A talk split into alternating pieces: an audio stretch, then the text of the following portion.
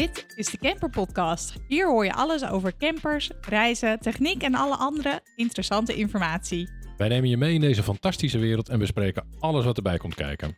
Hey, wat leuk dat je luistert. Mijn naam is Marlies Pippel en ik hou van ontwerpen, creëren en bouwen van campers. En ik ben Peter, vooral geïnteresseerd in techniek en achterliggende informatie. Samen hebben we flink wat ervaring op het gebied van campers en reizen en nemen je daarom mee in deze aflevering. Hey Marlies, zijn we weer. Ja, we zijn er weer. We hebben Gezellig. We hebben vandaag een hele leuke gast volgens mij. Superleuk. Vertel eens even, wie hebben we? Aan tafel zit eh, Luc Bronk. Ik ben eh 26 jaar en vijf en een half jaar werkzaam bij Fastnet. Nu in het commerciële team als eh, Commercial Activation Manager. En in mijn dagelijkse bezigheden ehm, praat ik met automerken over hoe ze hun auto kunnen verbeteren. En eh, of Fastnet bijvoorbeeld aanwezig is in de navigatie. eh, welke problemen, op welke problemen kunnen klanten stuiten zodra ze een elektrische auto kopen. En ik probeer eigenlijk die problemen al de markt uit te helpen voordat de auto de markt betreedt. Ehm, ja, dus ik praat in mijn dagelijks leven met, met, eh, met, met automerken. En eh Fastnet, wat, wat is dat? Ja, ja, ik werk voor Fastnet. Dat is misschien ook wel goed om erbij te vertellen. ik, eh, eh, Fastnet bouwt eh laadstations langs de Europese snelwegen op, op drukke locaties. En we bouwen echt een laadstation. Dus we zetten op één locatie meerdere laders neer. En ehm, met een dak en een doorrijlocatie. En we bouwen de laadstations langs de Europese snelwegen. Dus op dit moment hebben we laadstations in de UK, België, Nederland, Duitsland, Frankrijk en Zwitserland. En eh, binnenkort sluiten we Spanje aan. hey, kijk, dat is eh, goed om te horen. Want eh, dat is natuurlijk wel echt een enorme vraag van onze klant. Van ja, stel je voor, ik wil nu naar Portugal rijden. Kom ik daar wel met mijn 300 actieradius? Ik zeg ja. Eh, we hebben ook klanten die het, eh, die doen. En ik denk dat eh, in Nederland zeker is, het, is het aantal elektrische rijders natuurlijk best wel groot. Zeker als je het vergelijkt met andere landen. En we zien eigenlijk elk jaar meer mensen die richting het buitenland gaan met de elektrische auto. Dus het is zeker te doen. Ik ben zelf naar Zurich en naar Zuid-Frankrijk gereden elektrisch. En ik rijd regelmatig naar mijn moeder toe, die woont in, dicht bij München. En ja, mij gaat het goed af. Merk je wel dat hoe verder je buiten Nederland komt, dat het steeds moeilijker wordt om een, zeg maar, een, een station te vinden? Of denk je van nou, ja, het valt eigenlijk wel mee, het is wel goed verdeeld? Nou, in Nederland zijn we een beetje bevoorrecht. Hè? Dus in Nederland eh, zijn er tien jaar geleden concessies uitgegeven, waarvan Fastnet een deel heeft. Daarom eh, heb je in Nederland bijna op elke verzorgingsplaats wel een laadpunt waar je kan laden, waar je snel kan opladen. In het buitenland loopt dat soms nog achter. Bijvoorbeeld het aantal elektrische auto's in Noorwegen is wel weer groter. Alleen het aantal laadpalen is, eh, is minder. Dus ja, en het is nergens zo makkelijk als in Nederland. Maar Frankrijk heeft bijvoorbeeld eh, de laatste twee jaar echt hele grote stappen gemaakt. En Duitsland Oh ja, langs de meeste Duitse verzorgingsplaatsen vind je ook al een laadpaal. Dus het is echt, het is echt wat te doen. Nu, nu viel het mij ook al op dat wij waren laatst even bij Ikea. Dat er zelfs bij de laad- en losplaats al eh, elektrische Ja. eh, palen staan daar. Om natuurlijk dat goederenvervoer op weg te kunnen helpen. Want jullie bouwen natuurlijk die laadstations. Maar is dat enkel voor personenauto's? Of kunnen daar ook andere voertuigen terecht? Nee, ja, ja, we zeggen eigenlijk eh, voertuigen inderdaad. Omdat eh, een motor is bijvoorbeeld ook van harte welkom. En een eh, camper of een auto met een trailer erachteraan is ook van harte welkom. Ehm, we hebben inmiddels een nieuw design, dus het is een wat hoger station geworden. Omdat we voertuigen zoals de E-Crafter ook wilden verwerken op, op, de, op de laadstations. Dus, en op dit moment zien we eigenlijk alweer de eerste vrachtwagens die bij ons... Ik zag hiernaast trouwens Vrijbloed zitten. Ja. Reden we net langs. En eh, die eh, komen met enige regelmaat met elektrische vrachtwagens op onze stations laden. Ja, die hebben inderdaad een heel elektrisch eh, vrachtwagenpark. Ja, ja, ja, ja. dat is wel super gaaf. Ja, dus je ziet, het komt echt steeds meer. Hè? Het, is, eh, het is echt in, eh, in enorme ontwikkeling. In alle soorten maten en ook steeds meer, ja, zoals je zegt, steeds meer. Dus toen ik eh, kan werken bij Fastnet vijf en een half jaar geleden, hadden we, eh, nou, die, die modellen waren op één hand te tellen. En inmiddels, ja, ik, ik, had, ik heb vorige week een elektrische Rolls Royce gezien. Weet je wel, elk merk heeft nu gewoon een elektrische auto. Dat is, en een Dacia, echt alles, alles is er tegenwoordig. Had ik Alles niet, ja, ja. En wat ik ook wel hoorde, nou, dat hoorde ik laatst, dat Ford nu stopt met eh, de, de investeringen in elektrische. Weet je daar iets van? Volgens mij hebben ze net een gepresenteerd. Ja, maar ik hoorde daar, daarnaast ook, naast dat ze de nieuwe Ford Transit Custom hebben, eh, waar wij wel op gaan bouwen, is Oké. dat ze gaan stoppen omdat het de investering niet, niet uitkomt. Ik ken dat verhaal niet. En het lijkt mij ook heel sterk. Althans, de gesprekken die ik met Ford heb, die eh, zijn eigenlijk altijd heel positief. En eh, nu komt natuurlijk de nieuwe Explorer eerst naar de markt. En dan komt de Transit. En je ziet eigenlijk partijen die, die te laat investeren, eh, die komen nu een beetje in de nesten. Oh ja? mag ik eigenlijk niet over. eh, dat, dat helpt mij niet verder in mijn dagelijkse baan als ik daarover uitlaat. Maar dan bedoel je dat partijen die nu pas beginnen met ontwikkeling van motoren daar, daarvoor bijvoorbeeld. Wat je, wat je eigenlijk ziet is, nou ja, een motor ontwikkelen, dat, is, eh, dat gebeurt eigenlijk, eh, dat doen ze vaak niet. Dat koop je vaak in. Eh, ook hele grote automerken. En als je dus te laat begint, ja, dan heb je die technologie niet op tijd in huis om een goed elektrisch, eh, goede elektrische auto neer te zetten. Ja, je hoort natuurlijk wel eens dat de elektrische auto vaak minder onderhoud nodig heeft. Eh, maar ik kan me ook voorstellen dat die dingen, doordat ze zwaar zijn, dat bijvoorbeeld eh, remmen of een ophanging wel weer meer eh, te lijden heeft ervan. Dat zou kunnen. Ehm, er zijn onderzoeken naar gedaan. Ik heb jullie podcast over elektrisch rijden toevallig teruggeluisterd. Toen was het inderdaad ook nog een vraag. Dus ik dacht, nou, die kan ik mooi even beantwoorden als ik bij jullie ben. Mooi. Ja. Ehm, de, ik denk dat een goed voorbeeld is, is de taxis in Amsterdam. Die rijden ontzettend veel kilometers, elektrisch vaak, want dat moet. En eh, ik weet dat er in Amsterdam, taxi, eh, volgende keer als je in een elektrische taxi zit, ergens in een grote stad, vraag even wat de kilometerstand is. Want een elektrische auto kan over het algemeen veel langer door dan een benzine- of diesel, eh, dieselvoertuig. En de reden erachter is, is dat, nou ja, jullie, jullie zijn in de werkplaats ook bezig, alles wat beweegt, slijt. En het mooie is aan een elektrische auto is dat er eigenlijk heel weinig beweegt. De deurscharnieren, de elektrische motor, de wielen en eh, de ruitenwissers. En heel veel meer beweegt er niet. Als je kijkt naar een, naar een benzine- of een dieselmotor, ja, dat, dat, eh, die bewegen zich voor door een explosie in de motor. Dan gaat er een piston gaat omhoog en die gaat weer naar beneden. En zo beweegt die, beweegt die auto zich voort. En bij elektrische auto is het heel anders. Eh er er gaat elektriciteit de elektromotor in, dan gaat de spoel draaien en hij rijdt. Het is eigenlijk een veel eenvoudigere manier om een auto voor te bewegen. En eh, daardoor slijt een elektrische auto ook een stuk minder snel. Eh, we hebben net een Tesla Model 3 ingeleverd met meer dan 2 ton erop. En die ja, die is twee keer de werkplaats in geweest omdat ze moesten checken. Maar er was, er is alleen een interieurfilter vervangen. Dus, eh, en wat je zei eh, remmen bijvoorbeeld, dat is ook een goede. een elektrische auto kan afremmen op de motor. Dus eh, er zijn auto's die hebben drie ton op de teller, die hebben de rem nog nooit gebruikt. Ongelooflijk, hè? Ja. ja, dus je ziet ook hier dat veel eh, ouderwetse wijsheden niet per se waar zijn voor eh, deze generatie auto's natuurlijk. Nee, en bedenk ook dat een benzinemotor bijvoorbeeld altijd gestart wordt, wordt met een elektromotor. Hè? Dus met een kleine elektrische startmotor in. En dat is omdat een elektrische motor is, is veel betrouwbaarder dan een, eh, dan een diesel of een benzinemotor. En wat is dan zeg maar de, de levensduur van zo'n elektrische auto? Of verschilt dat echt per merk? Nee, dat verschilt denk ik niet per merk. Ehm, een goed voorbeeld is de garantie die ze afgeven vaak op de batterij.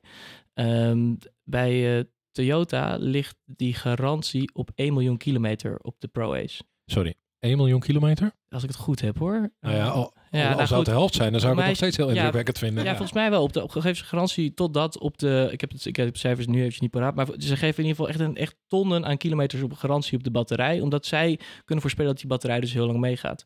En er zijn mensen... Ik weet dat er een Twitter-account die filmt... eh, die doet elke maand hoeveel kilometer die geeft. Die draait heel Europa door. En die heeft nu meer dan 1 miljoen kilometer op zijn Model S staan. En dat is een auto van 10 jaar oud. Dus de nieuwe zijn alweer zoveel beter... dat we verwachten dat die auto's nog langer door zouden kunnen. Dat is echt gek. Ja. Ik dat- begin langzamerhand te begrijpen, waarom, te begrijpen waarom je zo enthousiast bent hierover. Maar Eh, dan- Is, is, is, is het de technische kant ook iets waar je echt eh, warm voor wordt eh, in, deze, in deze markt? Ja, nee, ik vind vooral de stappen die gemaakt worden zijn wel echt super gaaf. Hè? Dus waar ik, toen ik startte bij Fastnet, hadden we een, eh, een Nissan Leaf. Dat was een nou, prima wagen, maar dan werd je wel zenuwachtig op een gegeven moment als je van eh, ons kantoor in Amsterdam naar Schiphol moest rijden en terug, omdat de actieradius nogal, eh, nogal weinig was. En inmiddels sta ik dus naast auto's die gewoon 700 kilometer of 600 op, een, eh, op één acculading kunnen rijden. Nou, dat is dat dat in, in vijf, vier jaar zo verschrikkelijk snel is gegaan, dat is ongelooflijk. Ik- denk dat als ik tegen jullie had gezegd, tien jaar geleden, jij kan met je elektrische auto naar Zurich rijden, dan hadden jullie gezegd, je bent gek. Ja, hadden we niet geloofd. Nee, nee. Nee. Nee, dat is, gaat heel hard. Het gaat echt heel hard. En eh, die auto, die, die Nissan Leaf, die kon 50 kW laden. Die had een actieradius van eh 200. En eh, nou ja, die nieuwe Nissan Leaf, die kan alweer 150 of 200 kW. En ik, eh, vorige week heb ik dus een auto getest. He- heel even tussendoor. Ja. Hij kan 100 of 200 kW laden. Wat, ja, wat KW, je je, daar precies je hebt kilowattuur. Ik, als je bij Fastnet komt werken, krijg je een onboarding. En eh daar leg ik het altijd heel expliciet uit. Je hebt kilowattuur, dat is capaciteit. Dus een accu druk je altijd uit in kilowattuur.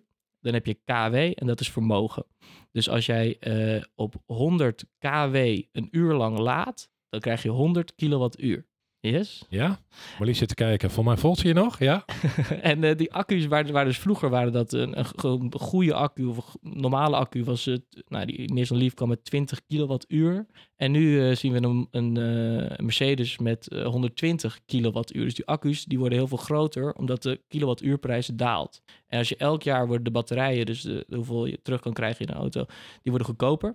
Kan je grotere batterijen plaatsen in je auto voor hetzelfde geld. Dus dat is een heel aantrekkelijk aanbod. En grotere batterijen kunnen weer sneller laden. Het reist mij gelijk eh, naar de volgende vraag. Want dat is ook wat mensen heel erg tegenhoudt om nu elektrisch te kopen. Is dat ze zich afvragen, wat, is, wat wordt nou, eh, wat wordt de toekomst? Als ik nu investeer, eh, komt er volgend jaar niet een veel beter model uit met een betere accu en noem maar op.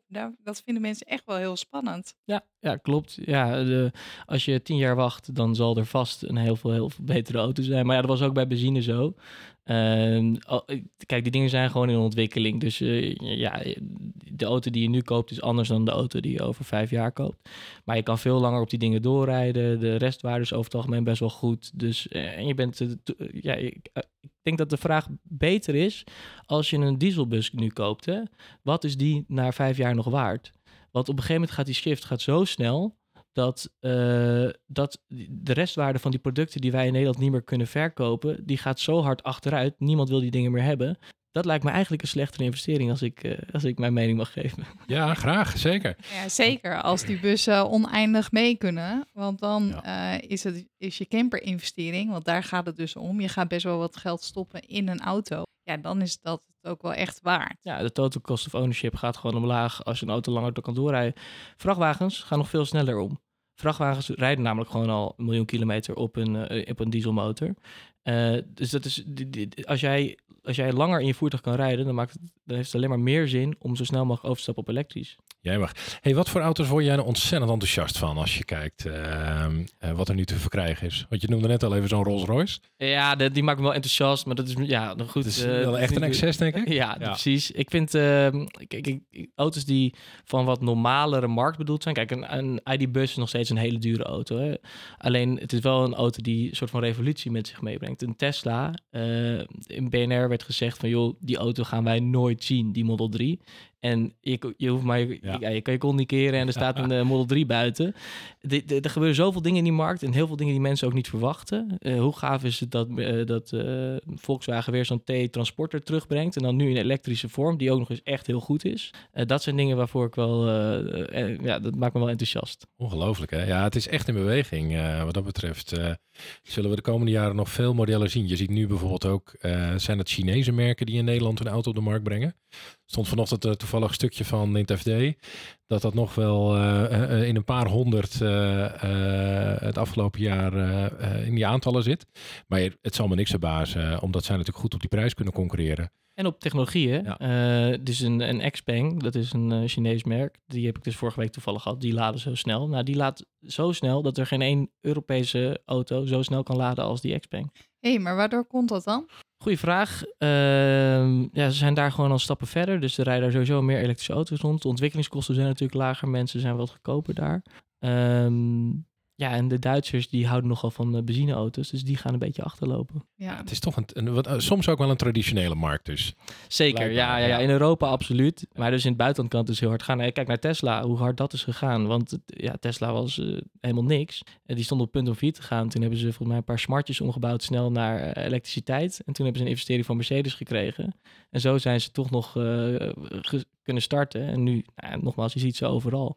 Ja, ongelooflijk. En nou moet ik zeggen, ik heb een paar jaar terug heb ik een aanbetaling voor de Cybertruck eh, gedaan. nou, Jij zit dicht op het vuur. Vertel eens, wanneer komt dat ding eindelijk een keer in Nederland? ja, dat is een hele goede vraag. Nou, wat ik denk, ik weet het ook niet, hè. Maar ik vermoed dat ze voor een Europese versie gaan, eh, gaan ontwikkelen. nee. Ja, dat denk ik wel. Je vindt het nu mooi, hè Marlies? Nee, Ja, afschuwelijk. toevallig, onze founder eh, Bart, die heeft er ook eentje in bestelling staan. Oh. Dus eh, nou, ik zal laten weten wanneer die geleverd wordt, dan kan jou het niet lang meer duren. En dan moeten we maar de hele tijd op groene plaat eh, blijven rijden. Dat is dan niet anders, denk ik. Ja. Hey, ehm, even terug naar Fastnet. Ehm, dat, ja, het bedrijf bestaat natuurlijk nog niet zo enorm lang. Eh, toch, en je noemde het net al even, jullie zijn echt aan alle snelwegen te vinden inmiddels. Ehm, zijn, er, zijn er plannen om ook verder in Europa uit te breiden? Ja, dus uh, ik vermoed dat we dit jaar nog wel extra landen gaan aansluiten. We hebben nu ook iemand in Denemarken uh, aangenomen die, uh, die daar aan het werk is. Dus dan moeten we voor het eind van het jaar hopen we daar nog op te kunnen leveren. Um, ja, en in, in, al die landen zitten eigen teams met architecten, met construction managers, met mensen die op public affairs werken en locatie uh, developers, uh, die daar hun eigen ecosysteem proberen te bouwen. Want we zijn wel een Nederlands bedrijf, maar we willen eigenlijk dat daar juist een eigen, eigen business opgestart wordt. En dat gaat best wel hard. Dus uh, ons doel is duizend laadstations in, in 2030. Maar ja, daar, daar, wordt elke dag aan bijgebouwd. Ik denk dat we nu ongeveer één laadstation per week openen. Er wordt, er wordt even opzij gekeken. Ja. Hey, hoeveel laadstations zijn er nu via Fastnet neergezet, zou je... Om precies te zijn, 200 82. Oh jeetje, ja. Maar ja, goed, er komt er elke week eentje bij. Dus het kan zijn dat ik er vrijdag eentje gemist heb en dat we op 83 zitten. het gaat echt heel hard. Ja, ja absoluut. En we hebben net de aanbesteding in, in Duitsland gewonnen. Uh, Ladenets, waardoor we in het, uh, in het west, zuiden van Duitsland mogen wij 90 locaties bouwen. Ja, dat is, daar zijn we ontzettend blij mee. Ja. en we doen mee aan meerdere aanbestedingen in Europa als die er zijn en die ons aanspreken. Want ons businessmodel is wel echt, je moet wel echt de rijder goed kunnen ondersteunen. Als zodra er bijvoorbeeld een, een, een, eh, openbare aanbesteding wordt uitgeschreven waar je dan één laadpaal mag neerzetten en die in een hoekje verstopt zit, ja. dan is het vast niet de partij om zich in te schrijven. En wat ik me daar ook afvroeg, want ik zag ook dat Shell nu bezig is met eigen, eigen stations. Zit er onderling concurrentie? Hoe werkt dat? Nou, ik, ik denk dat het belangrijkste antwoord daarop is... Um, we zijn eigenlijk heel blij dat Shell dit gaat doen. Want uh, dat onderschrijft ten eerste dat Fastnet op, een goed, op het goede weg zit. Uh, we hebben denk ik een aardige voorsprong op, uh, op, op de concurrentie wat dat betreft. En uh, het wordt alleen maar beter voor de elektrische rijden hoe meer laadpunten er zijn. Dus als Shell in, in Zuid-Frankrijk ook, ook gaat plaatsen, wat ze dus nu doen, dan wordt het alleen maar fijner om elektrisch te gaan rijden. Dus dan gaat de transitie zal nog sneller gaan. Het zou me niks verbazen als daar hetzelfde principe is, is dat waarom zit er altijd een kruidvast naast een, naast een ethos bijvoorbeeld. Ja. dat, het versterkt ja, elkaar ja, ook. Zeker, dat, absoluut. Dan denken klanten natuurlijk ook van, hé, hey, wacht even. Dit is blijkbaar de weg naar voren. Ja. En je hebt straks gewoon capaciteit nodig. Dus je, je, je, op een gegeven moment zijn er zoveel elektrische auto's. Dan gaat Fastnet het ook niet redden met z'n tien palen. Dan heb je ook wel extra punten nodig vanuit... Zeker. En je kan ook alleen maar laten zien hoe goed je bent als je uh, concurrentie hebt. Ja. Ja, ja, zeker waar. Ja, ja. Um, toch lijkt me dat niet helemaal vanzelf gaan. 200, wat zei je? 293 uh, punten. 82. 82, sorry. um, uh, kun je eens wat vertellen over welke, welke, welke zaken loop je dan uh, als, als organisatie ja, tegenaan? Ja, zeker. Uh, nou ja, sowieso heb je verschillende landen met verschillende regelgeving.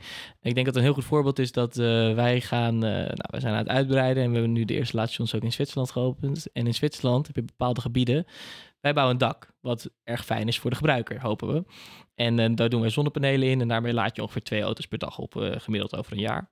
Uh, dus per dag. En um, in Zwitserland willen we dat ook doen, maar toen merkten we dat in Zwitserland moeten jouw daken zo stevig zijn, omdat er zoveel sneeuwval kan zijn, dat, dat we iets andere stations moesten bouwen. Dus daar ligt bijvoorbeeld geen zonnepanelen in het dak. Daar hebben we een andere oplossing gevonden.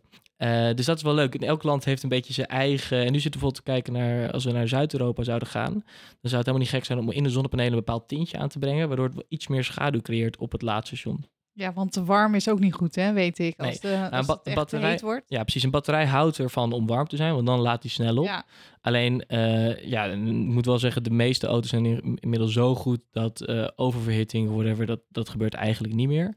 Alleen voor de klant zelf bijvoorbeeld is het ook wel fijn als er, als er wat meer schaduw is op het laadstation. Ja, zeker, ja. ja. Moet je gewoon rekening mee houden. Ja, zeker waar. Hey, um, heel even uh, voor, de, voor de camperaar. Want um, uh, we weten dat er inmiddels mensen zijn met elektrische campers. We hebben bijvoorbeeld de Peugeot Expert. Um, de, de aankomende Ford Transit uh, gaat voor ons ook wel zeker een rol spelen. Um, zijn dat ook voertuigen waar jullie ontwikkelingen in zien? In, in dat zeker. Die, die, die uh, hè, ik noem even wat, de capaciteit van de accu's bijvoorbeeld ja, neemt erin. Ja, zeker. Nee, ik denk dat een goed voorbeeld is uh, een Sprinter. Die kent wel iedereen, denk ik. Zeker. Ik zag er hier al twee in de werkplaats staan. Uh, Sprinter was natuurlijk een, is, is een hele, een, is echt een, een standaard zeg maar in de De, en die vorige sprinters, voor mij is de eerste sprinter kwam met 30 kilowattuur. Toen hebben ze er eentje groter gemaakt, 60 kilowattuur. En ondanks was er een aankondiging met 110 kilowattuur. En 110 heb je echt een flinke accu. Hè? Dan, dan ga je gewoon weg wel 300 of meer kilometer uithalen. Uh, dus die, er is heel duidelijk een beweging gaande daar van grotere accu's. Uh, nou ja, nog een keer, kilowattuurprijs gaat naar beneden. Dus je kan een grotere accu in die auto doen, waardoor die nog enigszins betaalbaar is. En lobben jullie ook voor het gewicht? Um, Want dit is wel het, het grootste probleem. Hè? Ja. Dus eh, leuk, zo'n hele grote sprinter met zo'n enorme accu. Eh, maar vervolgens kan je niks meer meenemen. Nee, klopt. Ja, ik denk niet dat wij de partij zijn om daarop te lobbyen. Wat ik wel, ik, bijvoorbeeld eh, bij een extra vrachtwagen, dat bracht wel extra eh, uitdagingen met zich mee. Want die dingen zijn een heel stuk zwaarder, drie assers of zo. Dus dit jaar gaan we, of nee, sorry, volgend jaar hopen we de eerste laadstations te openen met een trucklane. En ik, volgens mij hebben we dit jaar, een, of vandaag een artikel uitgebracht in de Volkskrant, waar we mee geholpen hebben. Waar je kan kijken naar wat vastnetsplannen zijn op, op eh, truckgebied. En dat heeft wel een beetje betrekking ook op dit onderwerp, omdat ja, het gaat over een groter voertuig. Ik denk dat het ook wel leuk is om aan te sluiten. Een, eh, het klinkt vrij eh, vanzelfsprekend, een doorrijstation. Hè? Alleen ik denk echt dat wij, nou, misschien heb je één of twee andere aanbieders in Europa die een doorrijstation maken, wat eigenlijk heel gek is. Maar wat doet een Ja, doorreis? wat is een Ja, doorrijstation? Sorry. Super Verklaar je Ja, nader. nee, hele goede vraag, hele goede vraag. Want als je, als je benzine rijdt, dan ken je eigenlijk niet anders. Als je bij een tankstation aankomt, dan zet je hem neer, dan eh, tank je de auto vol, betaal je binnen, rij je door. Je hoeft niet achteruit in een parkeerplek. eh, en dat eh, is inderdaad, als je kijkt naar oppervlakte van grondgebruik, is dat niet de meest efficiënte manier. Maar omdat iemand kort blijft, eh, is, het, is het een wel aantrekkelijke manier. Omdat iemand kan meteen weer wegrijden, waardoor je weer eh, je plek vrijmaakt voor de volgende bereider. Nou, wij doen precies hetzelfde. Wij zien elk jaar dat de laadsnelheid van auto's gaat omhoog. Mensen blijven korter op ons laadstation en eh, er wordt ook meer kilowattuur meegenomen. Eh, en als die ontwikkeling zich door blijft zetten, auto's gaan gewoon sneller laden, daar komt het eigenlijk op neer, dan eh, is het alleen maar handiger om een doorrijstation neer te zetten. Dus je komt aanrijden, je plugt hem in. Bij een elektrische auto hoef je niet altijd binnen te betalen. Sterker nog, je kan gewoon de stekker erin steken, hij start, je haalt hem er weer uit en je rijdt weg. Je hoeft dus eigenlijk helemaal niet meer te betalen, dat wordt allemaal automatisch. En wat je ziet bij, ehm, bij andere partijen in de markt, die maken een parkeerplek, die zetten daar een lader aan en dan moet je hem dus eerst inparkeren en dan weer uitparkeren. En ja, ik ben geen fan van parkeren, ik weet niet hoe het bij jullie zit. Als het niet nodig is. Nee. Nee. dan kies je een plek waar dat, je, dat het makkelijker is. precies, precies. En ik kan me voorstellen dat zeker met snel laden, wat je natuurlijk de laatste jaren eh, eh, veel ziet, dat het ook helemaal niet gek is als je 10 minuten, kwartier. Ik, dat, dat, dat deel dat je moet gaan parkeren, dat gaat steeds langer duren. En ik ben toevallig met naar Zuid-Duitsland. kort te duren, denk ik. Ja, sorry, sorry, korte duur. En ik ben laatst in Zuid-Duitsland gereden met een, eh een Polestar en een eh, trailer met een motor erop. En dan merk je ook van, joh, als je bij een parkeerstation aankomt, dan word je helemaal gek. Want dan, ook bij een camper is het niet anders. Als je een lang voertuig hebt, dan wil je helemaal niet met, met inparkeren moeite eh, doen om daar te kunnen laden. Ja, ja, ik snap het helemaal. Dat is, eh, Het is eigenlijk een hele logische keuze. ja, ja, ja, maar het is grappig, want je denkt hier natuurlijk vanuit eh oud zijn natuurlijk helemaal niet zo over na. Je denkt gewoon logisch, ik zet een auto neer op een parkeerplek, want er moet een stekker in. Ja. Dus ik moet een half uur wachten. Zeker. En wat ook belangrijk is, wij bouwen laadstations langs de drukste, we proberen langs de drukste locaties. En ehm, als jij een parkeerplek en daar hebt en daar aan een lader zet, dan gaan mensen die plek ook behandelen als een parkeerplek. Dus dan gaan ze binnen een, een, eh, een koffie halen, broodje halen, gaan ze bellen, gaan ze nog even werken binnen en komen ze terug en dan is die auto al een kwartier op 100% en dan rijden ze verder. Maar dat willen wij helemaal niet. Nee. Wij willen dat jij zo snel mogelijk laat. En eh, dat het fijnste is voor de klant. Tuurlijk mag je binnen je broodje gaan halen.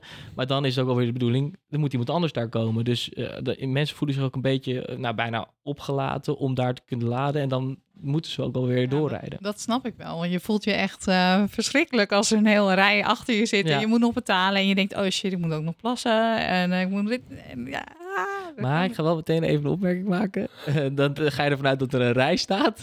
Eh, ik hoorde namelijk ook al dat jullie het hadden in een eerdere podcast over, eh, over wat drukker verkeer richting het, zuiden van Europa.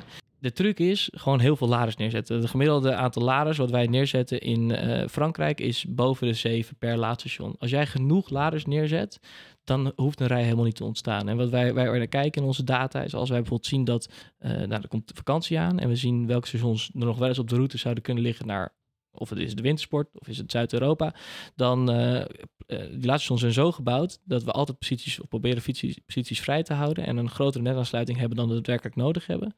Dus we kunnen die laders staan op voorraad en die ploppen we erbij net voor de vakanties, zodat jullie dan geen rij hebben als je naar, naar Zuid-Europa rijdt. Ik, ik kan me voorstellen dat als je even denkt aan de, de infrastructuur en logistiek van een tankstation. Uh, waar je met brandgevaar zit, met leidingen, met diesel, weet ik veel, misschien wel vier, vijf soorten brandstof die naar zo'n uh, pomp lopen. Uh, in die zin is het natuurlijk eenvoudiger, omdat je makkelijker kunt opschalen, denk ik, op zo'n locatie. Even afgezien van capaciteit die aangeleverd wordt. Ja, precies. Want dat, dat, kan, natuurlijk nog wel een bottleneck zijn. Maar nee, klopt. Ja, kan niet anders. Dus in feite zou je honderd laders naast elkaar kunnen hebben. Ja, zonder dat je is. extra gevaar hebt voor uh, zoals je dat met brandstof zou hebben. Ja, ja. Dat is er niet. Je hebben mensen die roken op het station, we hebben liever niet. Maar het kan natuurlijk gewoon. Want het is, uh, maar over, over tien jaar, dan is het helemaal omgekeerd. De fossiele brandstof gaat dan helemaal naar achter. En dan gaan alle laatste stations. Ja, wij hebben het liever nu al, niet over tien jaar. Nee. maar zover zijn we nog niet. kom vanzelf, kom vanzelf. Hey, um, even over het laden. Want um, uh, veel mensen vinden het spannend ja. als ze gaan reizen met een elektrische auto. Um, althans, ik, ik, ik, ik, herhaal nu even wat je wel eens leest. Hè? Zeker, ja. maar je ziet bij moderne auto's dat die laadtijden echt enorm uh, uh, ja, zakken. Kun je daar iets over vertellen? Stel, je, je noemde net al even eh, dat je naar, uh, naar in de buurt van München uh, ja. wel eens rijdt. Ja. Dan moet je tussendoor laden, neem ik aan. Met de meeste auto's wel, ja. Met de meeste auto's wel, want hoeveel kilometer is dat? 800, 900 kilometer zo? Um, ja, dat is München. Mijn moeder woont er net wat boven, eigenlijk net boven Nuremberg. Dus dat scheelt nog wel een stukje. Ja. Dat is, het is anderhalf uur in München. Maar ik zeg altijd München, want dat kennen de meeste ja. mensen. nee, maar dat is, het is echt... Ja, sorry, ik, ik, ik vind het echt heel erg goed te doen. Het hangt er natuurlijk af met wat voor auto je gaat. Als je met een Dacia Spring gaat met 150 kilometer. Nou, mij zal het lukken, maar er zijn mensen die dat toch wel erg lastig vinden. Uh, maar met de meeste auto's in de markt kan je echt al meer... Met een persoonauto kun je meer dan 200 kilometer Waarom rijden. vinden andere mensen dat lastig en ja, jij omdat ik, ik rij vijf en een half jaar al met elektrische auto's door heel Europa. Dus voor mij is het een beetje... Je bent een adept, zeg maar. Ja, ja, ja. ik weet wel waar ik moet stoppen en hoe een auto werkt. Alleen als je, als je net nieuw bent, ja, dan kan ik me goed voorstellen dat het spannend is. Ja, dus het zit er meer in de angst van red ik het volgende station Precies. wel. En jij weet de, de marges waar je in Ja, en ik weet ook gewoon hoe en waar ik moet laden als ik naar mijn moeder rij. Ja. Maar uh, ik denk dat ook de truc is, wat nu, nu, nu heb je eigenlijk een probleem van de auto. Um, die spiegel je af omdat hij dan te weinig actieradius heeft. Maar eigenlijk ligt het probleem bij het uh, aanbieden van laadinfrastructuur. Want als je op elke verzorgingsplaats een lader hebt, of een lader die werkt, en er is genoeg capaciteit, eigenlijk niet meer zoveel uit hoe ver een auto kan rijden. Nee, dat snap ik wel. Maar wat ik wel echt super vaak hoor van klanten is, uh, nou zeg ik 300 kilometer kan je ermee rijden. Ja, dan kan ik helemaal niet ja. in één keer mee naar Spanje.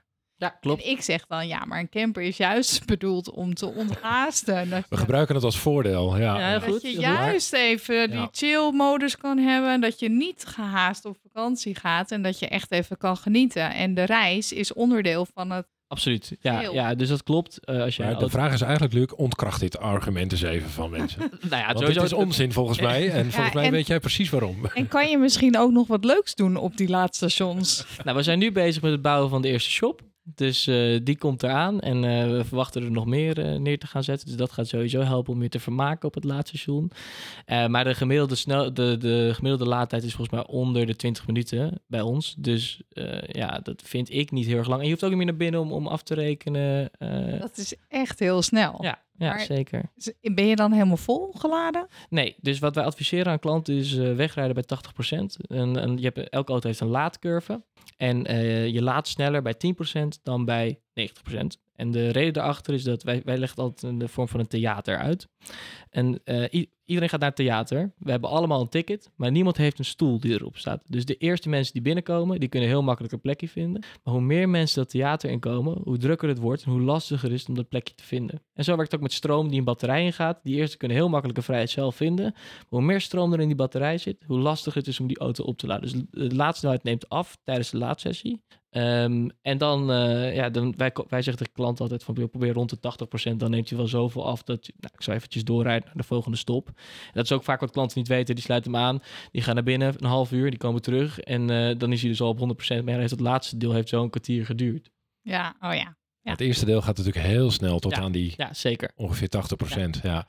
En ik kan me voorstellen, in veel auto's heb je dan rustig al 300, 400 kilometer rijbereik. Ja, ik denk, uh, kijk, een, een standaard model is een ID3. Um, nou, daar, daar, haal je gewoon inderdaad meer dan 300 kilometer ja. echt wel uit. Ja. Kijk, in mijn, in mijn busjes, want we, we, zitten immers in de camperpodcast, niet in de...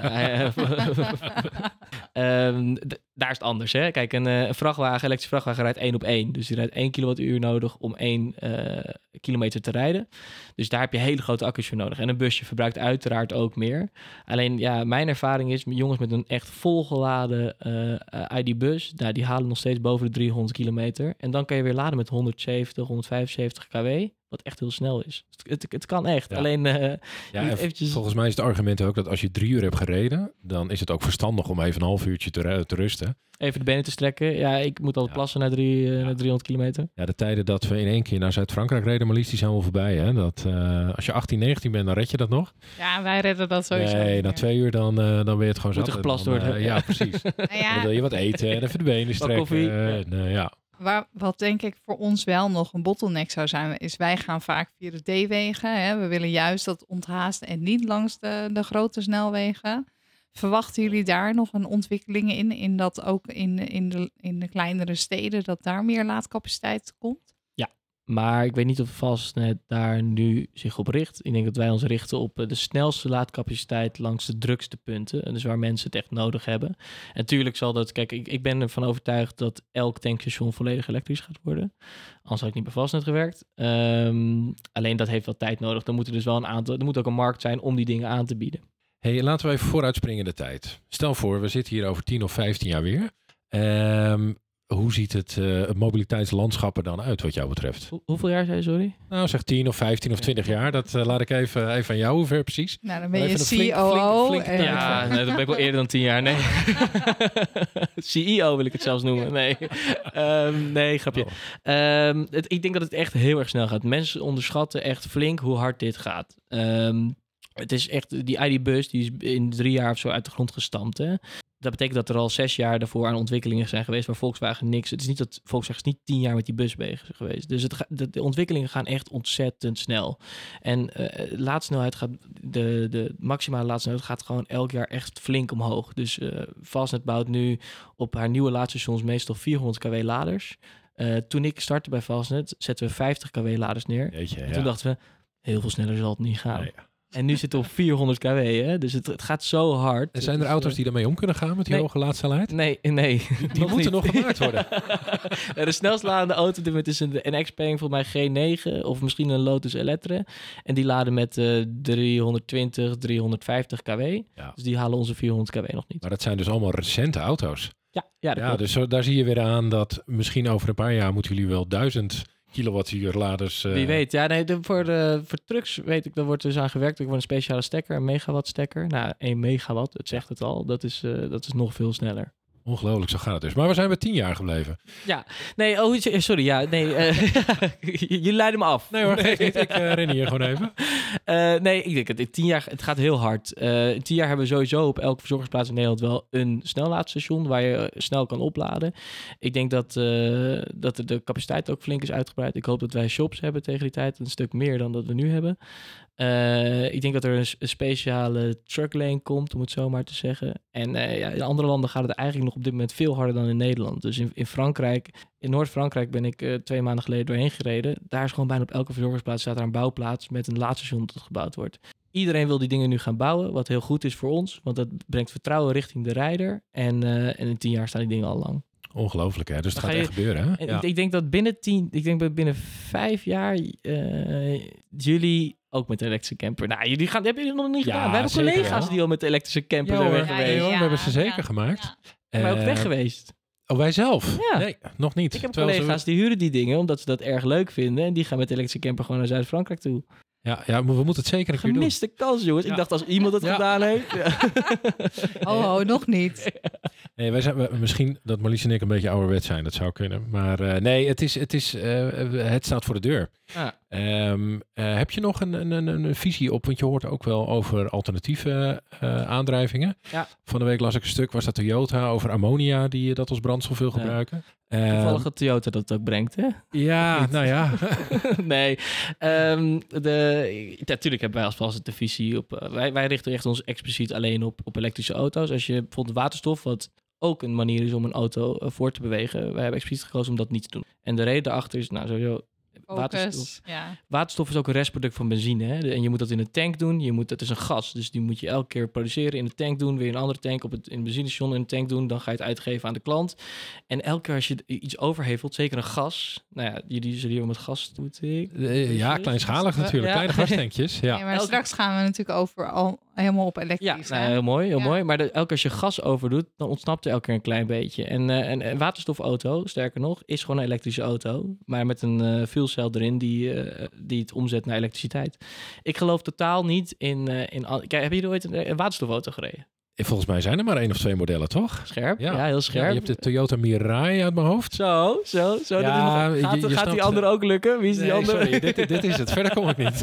En we hebben een Hyundai Nexo op dit moment. Dus het zijn twee passagiersauto's die, waarmee je kan voortbewegen op, of althans, je kan hem vullen met waterstof. Ehm, en eh, je gaat bijvoorbeeld heel veel ruimte eh, moet weg, omdat je een waterstoftanks erin moet doen. En eh, je ziet dat er vorig jaar zijn er misschien 20 of 30 geregistreerd in Nederland. Dat, dat tikt echt niet aan. Ja, ik begreep ook dat de, de vorm van de, van de tank, zeg maar, moet natuurlijk een cilinder zijn. Ja, super Dus Zo'n handig. zo'n platte ruimte zoals in een chassis van een auto om Ja. voor batterij te gebruiken. Mijn vader had vroeger er zijn Honda omgebouwd met zo'n grote gastank achterin. En die zat dan op de kaart te kijken, want die ging naar mijn moeder in Duitsland. Die ging dan kijken van waar kan ik dan gas halen, weet je wel? Terwijl er niks meer mee achterin kon. Ja. Iedereen één zwembroek mee en dat was het. Ja, Ja, ja, ja. ja, ja, Jongens, even terug naar, Ja. eh, naar de onderwerpen. Ja, sorry. ik had nog wel een vraag over het soort stroom. Want je hoort natuurlijk heel veel over, eh, over groene stroom. Is dat ook wat jullie gebruiken? Ja, wij, eh, wij, wij verkopen groene stroom op onze laadstations eh, stations en het liefst plaatselijk opgewekt. Dus eh, als wij, eh kijk, het- we zijn afhankelijk van een stroomnet. We zitten gewoon aangesloten op het stroomnet en dan heb je wel eens mensen zeggen, ja, dan leveren die ook grijze stroom. Zeg ik, nou ja, dat is eigenlijk ook deels waar, maar dan mensen die grijze stroom inkopen, leveren ook deels groene stroom. En eh, we hebben er expliciet voor gekozen om niet eh, certificaten in te kopen van, eh, je, je hebt bijvoorbeeld, Noorwegen verkoopt heel veel certificaten omdat ze waterstuw eh, dingen hebben. Dus die hebben heel veel groene stroom overschot. En die verkopen die dingen aan de rest van Europa. Dat doen wij niet. Wij Als een soort, soort goedmakertje. Ja. Precies, wij kopen juist expres van plaatselijke bronnen in. Dat, dat, Ik denk dat dat ook het meest helpt om de eh, transitie zo snel mogelijk te laten gaan. Maar moet je niet ook blij zijn dat je stroom überhaupt hebt? Aangezien stroom ook schaars wordt. Ja, eh, ja ik, ik- ik- die vraag wordt me ons ook nog wel eens gesteld. Van is het niet lastig om, om een stroom... Nou, laatst was er een stop in Zuid-Nederland voor, eh, voor het aanvragen van netaansluitingen.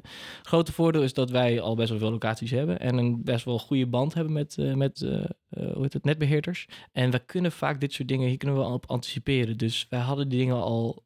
wij hadden de aansluiting al voordat de stop kwam... want we wisten ongeveer wanneer die kwam. Het is ook een beetje, jullie zitten er ook op, zeg maar. Ja. Ja, en het voordeel Ja. is ook, zoals we net aangaven, kilowattuurprijs gaat naar beneden. Dus je zou er zelfs over na kunnen denken om in de toekomst een batterijbox neer te zetten op het laadstation. Dus dat je eh, s s'nachts bijvoorbeeld elektriciteit opvangt en die overdag uitgeeft. Nou, daar, daar wilde ik Ja. inderdaad. We gaan nu een beetje af van eh, de laadstations.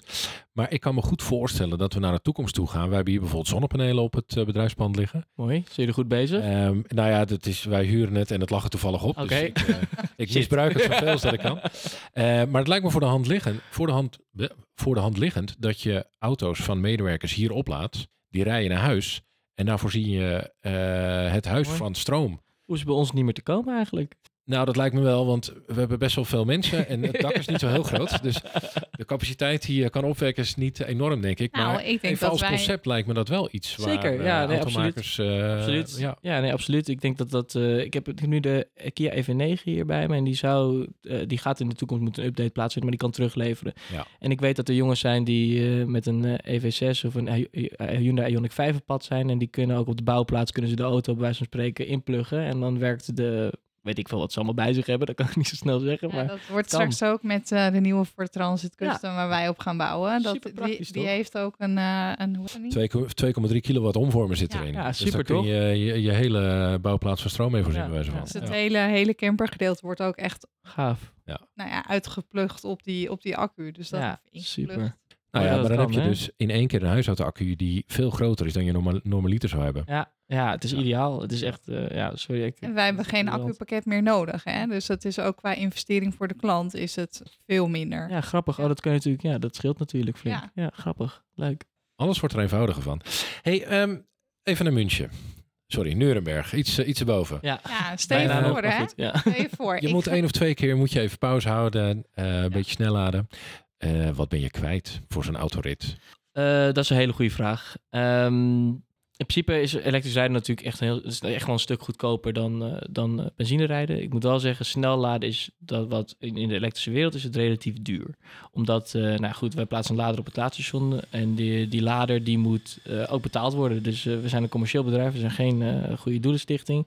Dus ehm, bij ons zijn de kilowattuurprijs dus relatief wat hoger dan bij AC-laden, waar je langzamer laat. Maar goed, daar krijg je ook... AC-laden, dan bedoel je gewoon thuis bijvoorbeeld? Ja, ja AC-laden zijn laadpalen op de straat. Of, maar ja wij zeggen ja, maar je krijgt er ook wel weer voor terug, want je kan heel snel laden. Je hoeft niet 24 uur in een laadpaal te staan om die auto op te laden. Je kan bij ons in 20 minuten weer weg zijn. Uh, dus op dit moment is de kilowattuurprijs bij ons een 69 cent, als ik het goed heb. Ja, uh, maar ja, je kan, je hebt, uh, het is eventjes als je dus ad hoc aan de lader, aan de, aan de lader laat. Maar er zijn heel veel manieren om dat goedkoper te doen. Want dat houdt wel in dat je goedkoper bent dan een diesel uh, uh, met ja, de diesel zeker. naar. Uh... Ja, en bedenk dus ook dat dus, dus als ik het. We hebben een rekeningsommetje hier gemaakt, maar dan. Um, als jij dus wegrijdt met het stroom van de zonnepanelen op dit dak dan in theorie is je eerste lading is gratis. Hè? Want die heeft de werkgever camper hier al aan, je, aan je voorzien. Dus de eerste drie kilometer zijn bij wijze van spreken als je zonnepanelen hebt gratis.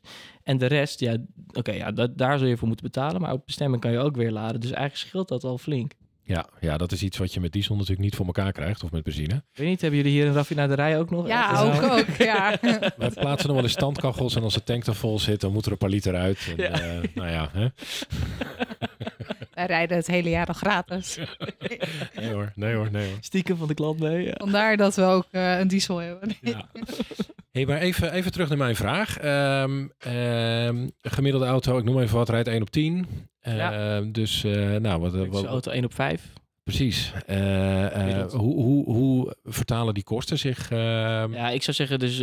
als, je, als je een vuistbedrag... Ja, ik zeg altijd een derde minder als je alleen maar op ons laat. Maar goed, dat doet dus niemand, gelukkig. Of althans, ja, dat hoeft niet. Um, dus ik, ik zeg altijd, het is ongeveer een derde goedkoper dan, dan op een combustion engine uh, rijden. Ja, dat is wel echt significant, hè? Ja, ja, dat is flink. Ja, ja bedenk eens ook, je hebt op dit moment geen wegenbelasting. Uh, goed, je verzekering zal natuurlijk wel wat duurder zijn, want ik neem aan dat de, auto is wat duurder, dus dat zal wel, uh, uh, wel duurder zijn. Maar je kan vaak op de camping ook nog laden. Voor een camper niet, hè? Heb je kwart tarief. Oh, nou, dat wist ja. ik niet eens, dus dat uh, nou helemaal ideaal.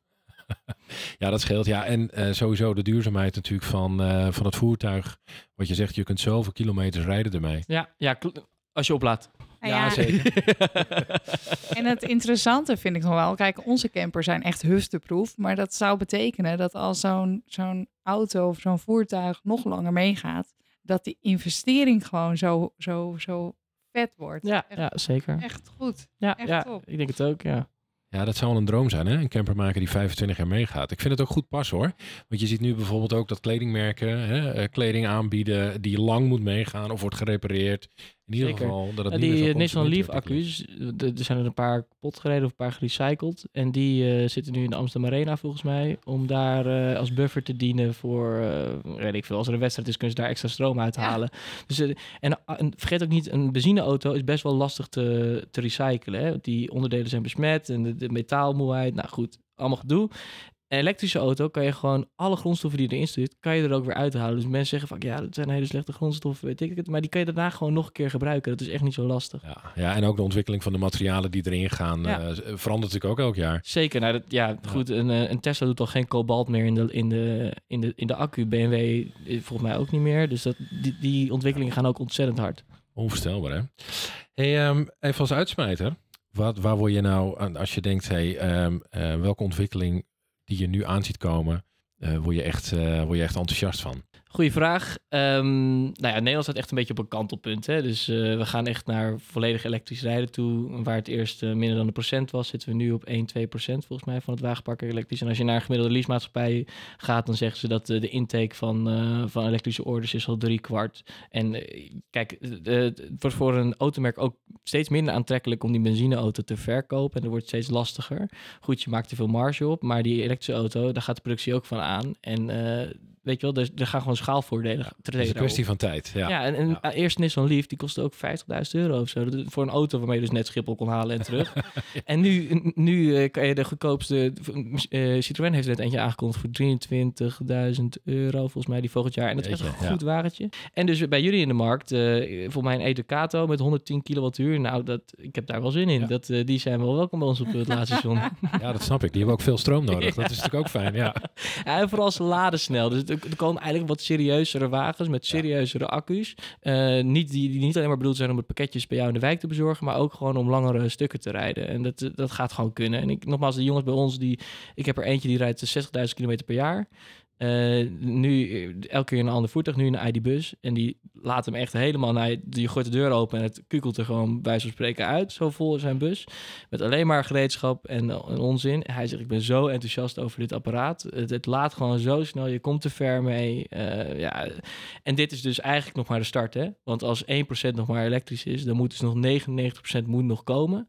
En die moeten allemaal in elektrische auto's gaan rijden. En die auto's worden gewoon echt heel erg veel beter. Nou, dat lijkt me een mooie afsluiter. Daar gaan we het mee doen. Ja, Luc, dankjewel. En ehm, hopelijk mogen we je nog eens een keer uitnodigen. Als we weer eens Zeker. een tent, Ja, dankjewel voor de eh, uitnodiging. Erg leuk.